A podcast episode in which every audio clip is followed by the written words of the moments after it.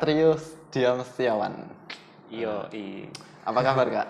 Baik sih, baik banget. Baik. Gimana kemarin pandemi Kak? PSBB? Hmm, ya banyak hal yang terlewatkan lah.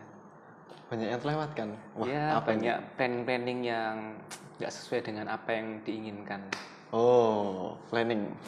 Wah, planning dalam hal apa ini waktu ini? Banyak sih, kayak tentang ya karir, habis itu tentang kayak semuanya rencana-rencana ke depan kayak semacam investasi, habis itu kayak semacam eh, beberapa eh, pekerjaan juga nggak sesuai sama rencana, habis itu kayak pemasukan juga nggak sesuai sama rencana, gitu. Terus habis itu kayak eh, kehidupan sehari-hari juga nggak sesuai sama rencana, kayak biasanya kayak ada kegiatan di luar, ini juga nggak harus di luar, harus di rumah, Hmm. gitu sih.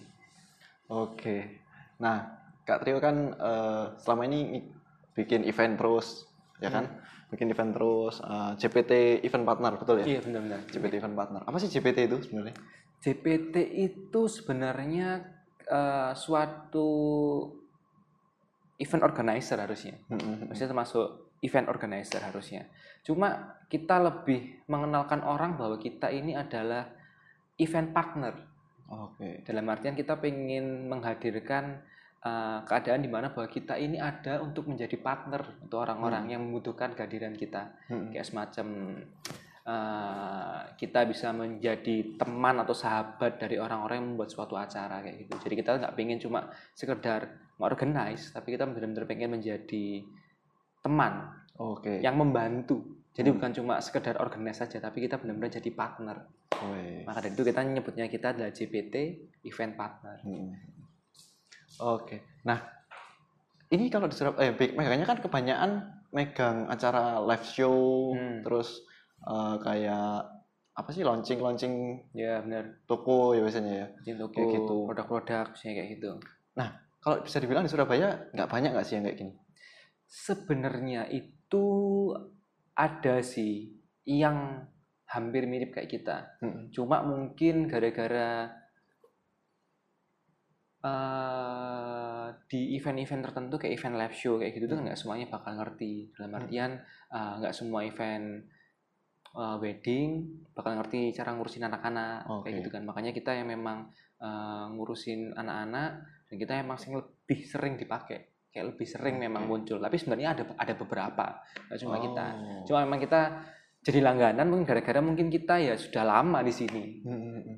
Tapi kalau sini dibilang ada yang lebih lama lagi ya ada. Cuma mungkin gara-gara menurut saya gara-gara zaman sih kayak semacam regenerasi lah. Oke. Jadi sebenarnya dulu tuh sudah ada. Di Surabaya itu ya? Ada di Surabaya. Bahkan dulu saya ikut di sana. Oh. Jadi saya dulu ikut orang sebenarnya. Cuma mungkin gara-gara regenerasi tadi itu yang sudah tua kan harusnya nggak semua orang bisa into anak-anak kecil atau deket sama Nah. anak-anak kecil. Jadi memang ini akan terus berputar sih loh saya pikir. Jadi memang harus kita yang bisa bagaimana mengakali supaya kita tetap bisa ada di di sisinya anak-anak. Nggak mungkin kan orang usia 30 atau 40 tahun masih ada di sekitar anak-anak. Sedangkan kita kan usianya masih di bawah 30. Jadi masih oke lah. Sebenarnya dulu ya ada kalau di live show Oke. kalau di kayak semacam corporate corporate yang kayak launching launching gitu eh, sebenarnya juga sudah banyak sih Padahal kan kadang-kadang eh, io io wedding kadang-kadang juga megang cuma ya mungkin gara-gara kita memang bisa dikenal berhubungan cukup baik dengan beberapa orang yang ada di bidang kita Iya. jadi mungkin kita lebih sering dapat berkatnya lah Oke. lebih dapat kesempatan lah buat itu Oh iya iya. iya. Nah, eh, yang aku tahu kan JPT bisa dibilang eh, banyak lah event yang sudah dipegang dari live show. Bahkan bisa dibilang hampir semua mall di Surabaya pasti JPT yang pegang live show-nya. waduh Bisa kan. dari apa ya? Dari dulu eh, RainbowCon, terus eh, Tayo ya Iya. kemarin. Tayo yang paling baru, aku sempat kemarin denger ada bikin kayak drama musikal yang sama luar ya? Dari Australia? Bukan? Hmm, itu bukan Bukan by JPT? itu. JPT yang megang. Jadi kadang-kadang kita itu kayak kerjasama gitu. Hmm, kerjasama. Jadi kadang-kadang tuh kayak eh, ada produk A ini dari luar nih. Oke. Kan mereka kan nggak mungkin ngerti kan gimana Hmm, eh, keadaan di Indonesia atau di Surabaya. hmm. Jadi mereka pasti akan meminta tolong ke kita supaya kita tuh jadi yang menghandle di lapangannya. Oke. Kadang-kadang kayak gitu. Berarti jaringannya udah sampai ke mana-mana ya JPT bisa ya bilang. puji Tuhan lah itu pun gara-gara sebenarnya itu tadi dari mall eh, ada acara terus mereka pakai vendor A terus kita Hmm. juga eh, temen atau kita juga vendor jadi kita ketemu di sana kita kita bisa ngobrol kayak gitu sih Dulu bisa kepikiran, kenapa kok bikin GPT? Kenapa kok nggak bikin event, ah sorry, nggak bikin IO yang untuk wedding kah? Untuk uh, Sweet Seventeen yang Nah. lagi rame-ramenya kan? Kalau itu, Nah. itu. sebenarnya kenapa kok kita nggak bikin itu karena ya kita mau mencari sesuatu yang baru sih lebih tepatnya Hmm. karena kalau yang kita bikin Sweet Seventeen sudah banyak bikin wedding sudah banyak Tapi kan kalau misalnya eh, Kak Trio milih untuk live show anak-anak juga ada hambatannya. Kan nggak selalu ada, terus Mm-mm. eh, bahkan mungkin kalau ada saingan semakin berat karena cuman sedikit, akhirnya banyak pesaing juga. Iya, itu benar. Maka dari itu memang kita fokus utamanya adalah live show tadi. Oh, Cuma kan kita juga akhirnya mengembangkan diri bahwa kita ya udahlah kita megang event corporate yang tadi di depan kita juga udah bahas bahwa nggak banyak kan yang kelihatan. Hmm. Nah, karena nggak banyak yang kelihatan tadi itu makanya kita masuk ke sana. Kalau kita ke wedding ya sebenarnya pengen cuma pangsa pasarnya ya udah banyak lah yang Iya. nyari makan di situ. betul betul. Jadi ke sini kita mau bikin sesuatu yang beda aja, kayak ke corporate, habis itu kayak semacam eh, anak-anak, nggak semua orang bisa nangani anak-anak, kita nangani anak-anak gitu. Oke. Nah, pandemi otomatis semua event berhenti, ya kan? Kayak, nah, bener. apa ini strateginya GPT? Kalau kita sih sampai sekarang yang paling wujud nyata yang bisa kita lakukan sekarang adalah kita tetap bikin sesuatu acara yang berhubungan dengan anak-anak. Hmm. Karena memang terus terang kita lahir atau kita ada sampai sekarang Oke. itu karena memang kita di sekitar anak-anak dan kita Hmm. juga melihat bahwa sebenarnya yang kena dampak ini dari pandemi ini nggak cuma orang dewasa juga itu juga ada anak-anak maka dari itu kita bikin YouTube sih sebenarnya YouTube channel buat anak-anak nah di situ Oh. kita kayak semacam bermain sama beberapa anak-anak yang Hmm. memang sudah kita eh, seleksi atau sudah kita pilih atau kita sudah memang kenal wataknya kayak gimana kita ajak main di situ Oke. ini baru season 1 sih. Rencananya kita mau bikin beberapa season di mana kita mau ganti-ganti anaknya. Jadi Hmm. kita tuh kayak semacam memberikan kesempatan buat anak-anak bermain sama kita Hmm. melalui media, Betul. yaitu media online, kayak semacam video conference gitu. Hmm. Eh, beberapa orang anak, nanti kita mainan sama mereka, nanti kita rekam, rekamannya akan kita masukkan ke YouTube supaya banyak juga yang lihat, banyak juga yang terhibur. Tapi kita juga menghibur anak-anak tadi yang di rumah kan mereka pasti bosen kan. betul. Nah, oleh karena itu kita memutuskan bahwa kita mau bikin video bareng anak-anak. Hmm. Selain itu video bisa dinikmatin sama orang-orang di YouTube, kita juga bisa ngajak anak-anak tadi main. Oke. Nah, eh, otomatis nggak gampang juga kan untuk hal itu. Banyak sekarang eh, bisa dibilang yang dulu megang live show juga bahkan bukan di Surabaya, mereka bikinnya yang konten-konten yang remaja, pindah ke Iya. sana, ke Benar, benar. bikin macam-macam yang lain gitu loh. Entah review makanan. Jadi eh, hebat sih menurutku CPT konsisten di tetap di anak. Jadi waktu live show memang fokusnya di anak, Iya. waktu online pun dibikin online semuanya tetap fokusnya di anak. Menurutku cukup eh, cukup berani juga kalau aku bilang. Yang lain aja nggak berani gitu loh. Nggak banyak yang berani untuk ngambil langkah itu sih. Iya sih. Memang banyak sih pertimbangannya kapan hari. Kalau kita bikin konten yang lebih bisa diterima sama masyarakat Indonesia, harus konten-konten yang memang ya remaja ke atas.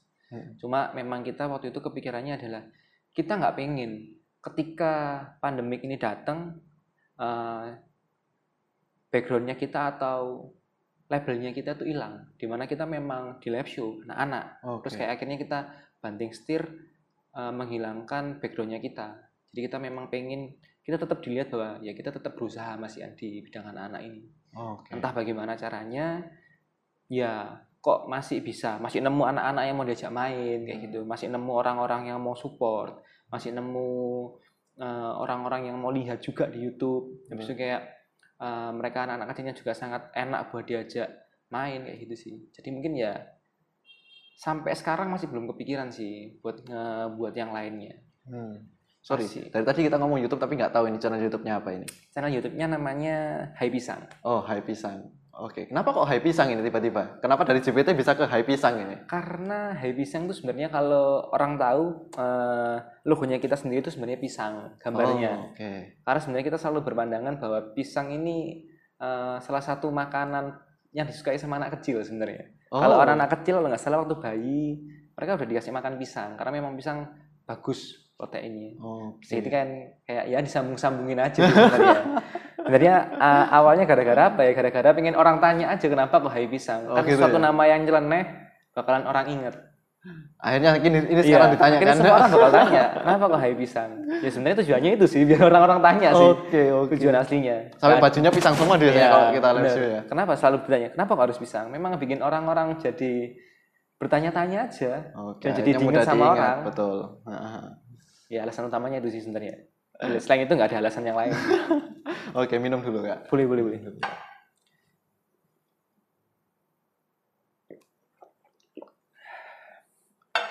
Oke. Nah, tadi kita udah ngomong, ngomong masalah eh, kerjaannya Kak Trio. Hmm.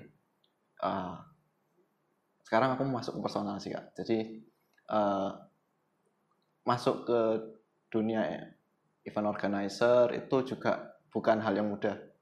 Penghasilan juga nggak pasti tiap bulannya bi- bisa ada, bisa nggak ada, Iya. bisa gimana gitu. Nah, pernah kepikiran nggak sih dulu? Kenapa kok milihnya akhirnya kok mau kerja kayak gini? Hmm, gini. Dulu itu semuanya berjalan tanpa ada rencana sebenarnya. Oke. Kayak pertamanya background saya pun juga sebenarnya bukan di bidang event. Hmm. Saya backgroundnya dari bidang akuntansi. Ya. Dan akhirnya ke event. Kenapa kok ke situ? Dulu eh, saya juga nggak pernah kepikiran buat eh, menjalankan ini dari sejak saya masih kecil. Hmm. Karena memang dulu pikirannya ya pengen kerja kantoran lah. Dulu juga nggak ada kayaknya. Kayak Itu juga nggak ada kayak gini. Terus eh, kenapa kok saya akhirnya memutuskan buat di sini ya? Karena mungkin kalau saya lebih ke arah panggilan sih. Oke. Panggilan di mana eh, saya tidak pernah menyangka bahwa saya bisa membagi berkat. Jadi dulu saya ngiranya bahwa saya akan kerja untuk menghasilkan buat diri saya sendiri. Hmm. Tapi setelah saya join atau saya ada eh, kerjaan ini, berkat yang saya terima bisa dibagikan ke kru-kru yang lainnya. Itu sih yang benar-benar bikin saya tetap mempertahankan ini. Hmm. Karena sulit buat kita bisa jadi berkat buat orang lain. Dan di sini salah satu cara bisa jadi berkat lah. Oke, caranya Kak Trio dengan membuat Iya. event partner ini. Yes. Pengennya kayak gitu. Dari orang tua nggak ada perlawanan? Oh itu pastilah. Awal-awalnya pasti ada lah. Karena kan dulu pertamanya kan saya nggak langsung kayak gini kan, ikut Mhm. orang. Dan kalau ikut orang kan juga lebih nggak pasti lagi. Setahu juga waktu kuliah sudah mulai. Udah, Iya sudah kan? mulai kuliah. Kuliah semester 1 udah mulai kayak gini. Oke. Semester 1 tahun 2012 berarti ya. 2012. Berarti mulai ikut orang dulu ini. Iya, semua mulai dari ikut orang. Berarti start JPT mulai tahun? 2015 atau 16 ya, lupa saya. Oh, 2015 16. Iya. Berarti udah, wih, udah lima tahun. Ya segituan lah. Dulu nggak ada namanya dulu, kayak jalanin biasa. Terus akhirnya ke JPT ini, itu pun juga nggak sendirian sebenarnya. Saya Oke. sama dua partner saya. Kenapa kok namanya JPT? Karena itu sebenarnya inisial sih. Oke. Jadi Jessica, Patsy, sama Trio. Singkatan gitu ya. Tiga sebenarnya. Oke. Ya karena dorongan kok ada kesempatan sih di sini. Mm-mm. Dan di sini kok ya bisa jadi berkat. Karena nggak, ya tadi banyak tadi nggak gampang bisa jadi berkat buat orang. Ya Ya. mungkin ini salah satu caranya atau titipan mungkin ya Mm-mm. dari Tuhan buat kita supaya kita bisa jadi berkat dari sini. Oke. Gitu. Itu sih sebenarnya yang selama ini membuat kita berpikiran bahwa kita senang jalanin ini. Karena itu tadi berkatnya nggak cuma buat kita tapi buat banyak orang. Benar, benar, benar. Menghibur orang ya termasuk berkat. Iya. Anak-anak kecilnya juga seneng. Betul. Orang tuanya juga seneng gara-gara anaknya seneng Hmm. kayak gitu kan. Jadi kayak banyak orang yang kita berkati. Walaupun berkat tuh nggak selalu harus secara jasmani, uang, tapi kebahagiaan, Oke. senang anaknya kayak gitu-gitu sih. Itu sih yang membuat kita tetap bertahan di sini. Ya, benar. Bagus sih itu. Jadi eh, bukan cuman kita fokus cari uangnya aja, Benar. tapi juga bisa jadi berkat buat orang lain. Bener banget sih. Keren sih itu. Nah, aku sempat join juga sama JPT. Kita sering kerja bareng.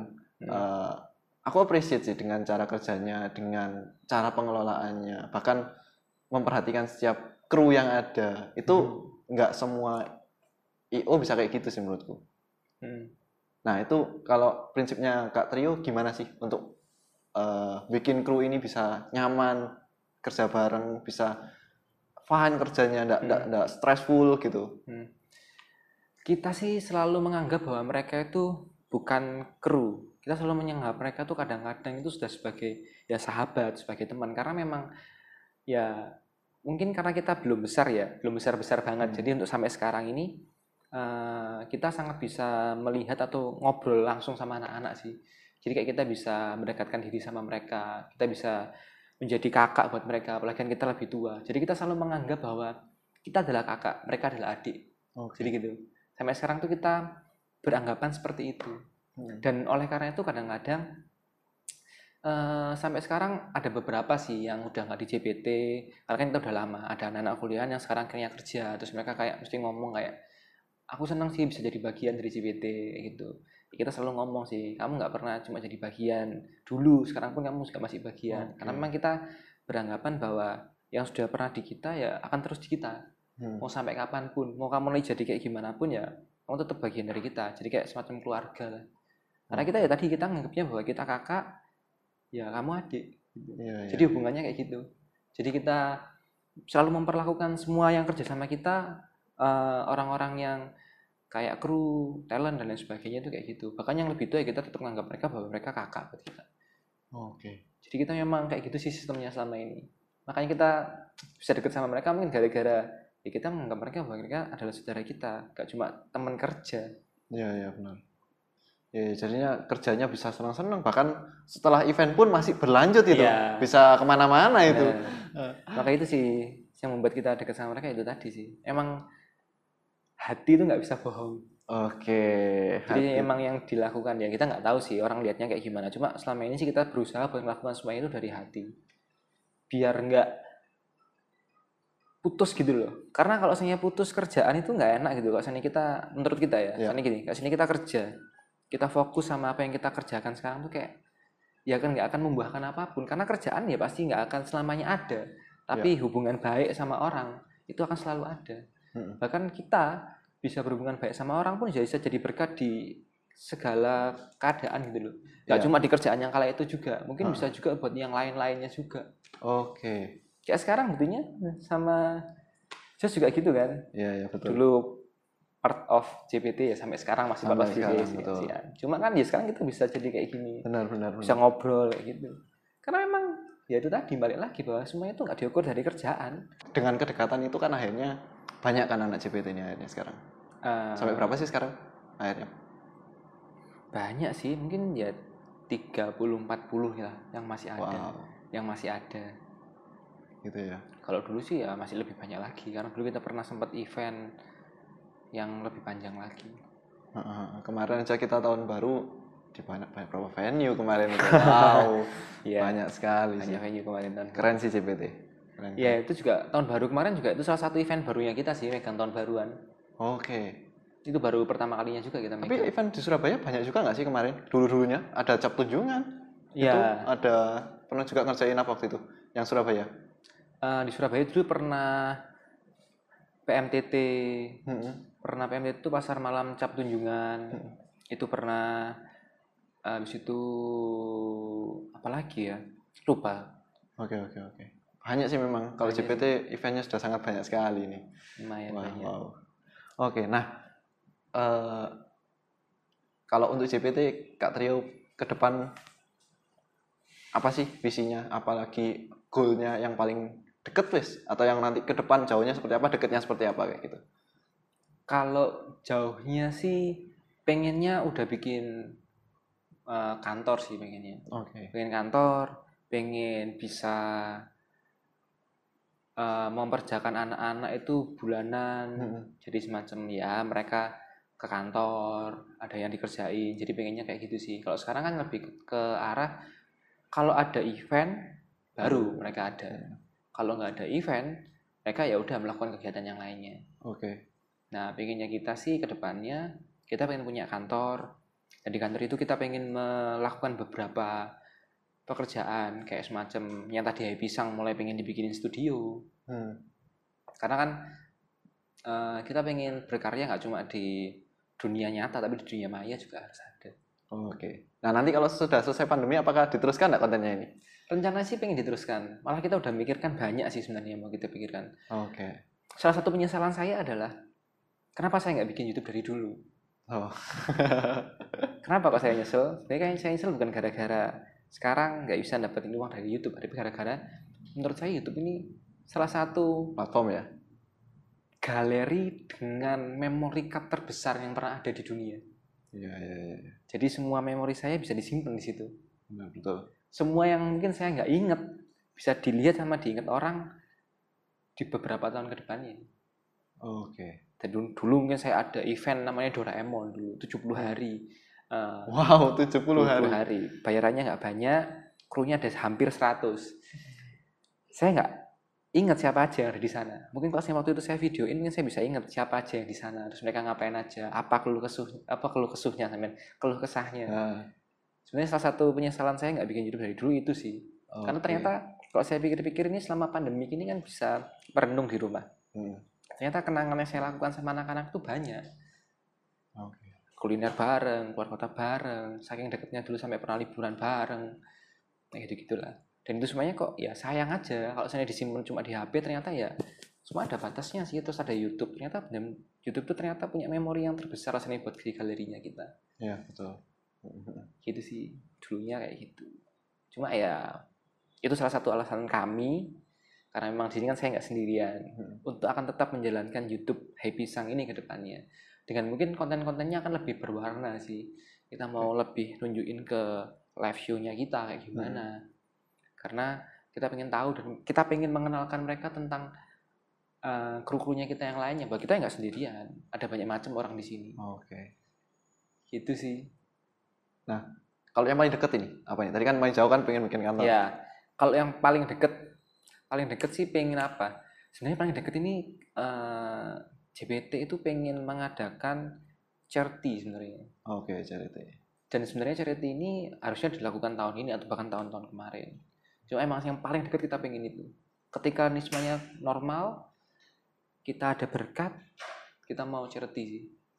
Oke. Ya balik lagi charity-nya ya akan ke anak-anak lagi sih. Oh. Ya, ya, ya. Gitu Emang sih. fokusnya GPT fokus di anak ini ya? Full.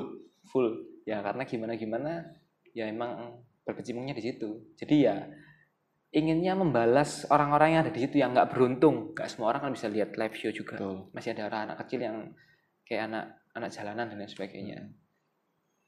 Oke, nah kalau secara pribadi, Kak Trio apa sih harapannya ke depan nanti? harapan ke depan ya. Pengennya itu kerja jadi berkat.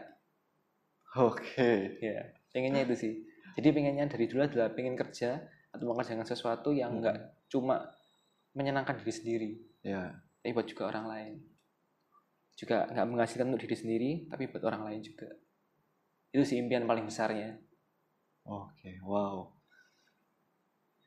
Luar biasa sih, Kak. Nggak banyak orang juga yang mau mikir sampai sana gitu loh. Banyak orang masih suka mungkin bisa dibilang Kak Trio dulu dari muda berarti dari remaja lah dari kuliah sudah kerja, sudah sambil kuliah. Mm-mm. Kapan hematnya, Kak? dari tahun gimana gimana Kapan jalan-jalannya? Kapan jalan-jalannya sebenarnya kerjanya sekarang pun kan di mall Oke. sebenarnya kan juga jalan-jalan sih kadang-kadang Oh, saya juga- dianggap iya. jalan-jalan juga ya. terus kadang-kadang juga eh, keluar kota itu juga jalan-jalan sih sebenarnya udah keluar Oke. kota pun kerja sudah dapat uang nggak keluar uang tapi juga jalan-jalan tapi memang kadang-kadang sih pernah kepikiran buat jalan-jalan sendiri Hmm. ya pasti ada sih waktunya semua tuh pinter-pinternya kita lah Oke. Terakhir, Kak. Hmm. Ada nggak sih motivasi untuk diri sendiri waktu itu, Kak Trio? Kalau misalnya Kak Trio lagi moodnya nggak enak ataupun lagi down, apa sih yang jadi pegangannya Kak Trio? jadi pegangan hmm, ini saya jawab secara general lah ya Oke. Eh, mungkin kalau bagi saya saya kan selalu berpikiran bahwa nggak semua orang seberuntung saya. Nggak semua orang seberuntung saya dalam artian nggak semua orang punya kesempatan kayak saya sekarang. Apalagi ketika di masa pandemi kayak gini nggak semua orang bisa mendapatkan apa yang saya dapatkan kemarin-kemarin. Mm-mm. Jadi semakin yakin saya selama pandemi ini bahwa apa yang saya terima itu adalah sesuatu yang mungkin orang lain nggak bisa terima lah. Ini ya itu tadi eh, nggak semua orang seberuntung saya. Itu yang saya mau membuat saya terus mau bekerja sih. Kalau pas lagi lemas dan lain sebagainya. Mm. Oke, bagus sih itu. Jadi kita selalu ingat kayak eh, tidak membuang-buang juga kesempatan. Jadi Iya, di peker- kalau kita kerja ya benar kerja yang serius, kerja yang beneran supaya iya. eh, nggak ada penyesalan nantinya. Iya sih. Gitu. Itu salah satunya sih. Karena memang dari dulu salah satu pegangan yang paling kuat buat saya adalah berani mengambil keputusan sih lebih tepatnya. Oke. berani ngambil keputusan itu yang kedua yang pertama itu berani untuk menerima konsekuensi Karena ini pekerjaan yang nggak iya pasti sih iya karena nggak semua hal sih kalau menurut saya Hmm. semua hal butuh kesiapan buat terima semua konsekuensi Ya. karena menurut saya ketika saya melangkah selain juga ada hasil juga pasti ada konsekuensi yang bakal saya terima Hmm. gitu sih Setelah itu baru diputuskan gimana jadi ini langkahnya kan. iya jadi pokoknya selama putusan apa pun lah pasti ada konsekuensinya selama kita berani menerima konsekuensi kita pasti akan terus bisa jalan biasanya kita nggak berani terima konsekuensinya nggak akan ada yang namanya keputusan itu sih menurut saya Oke, wow. wow, udah lama sekali loh ini kita ngobrol nih Kak. Iya. Bener banget Oke. Thank you banget Kak. Mm. Udah datang ke sini. Iya. Kita collab bareng. Siapa tahu nanti bisa main ke CPT juga. mungkin nanti maksudnya selanjutnya mungkin bisa sambil event loh ah, boleh itu. Setelah pandemi ya berarti ya. setelah pandemi semoga pandemi cepat berakhir lah karena dampaknya nggak ke- cuma ke kita doang Iya. banyak orang yang terima dampaknya Betul, betul. Oke, thank you Kak. Sampai jumpa lagi. semoga kita bisa cepat ketemu Siap. di luar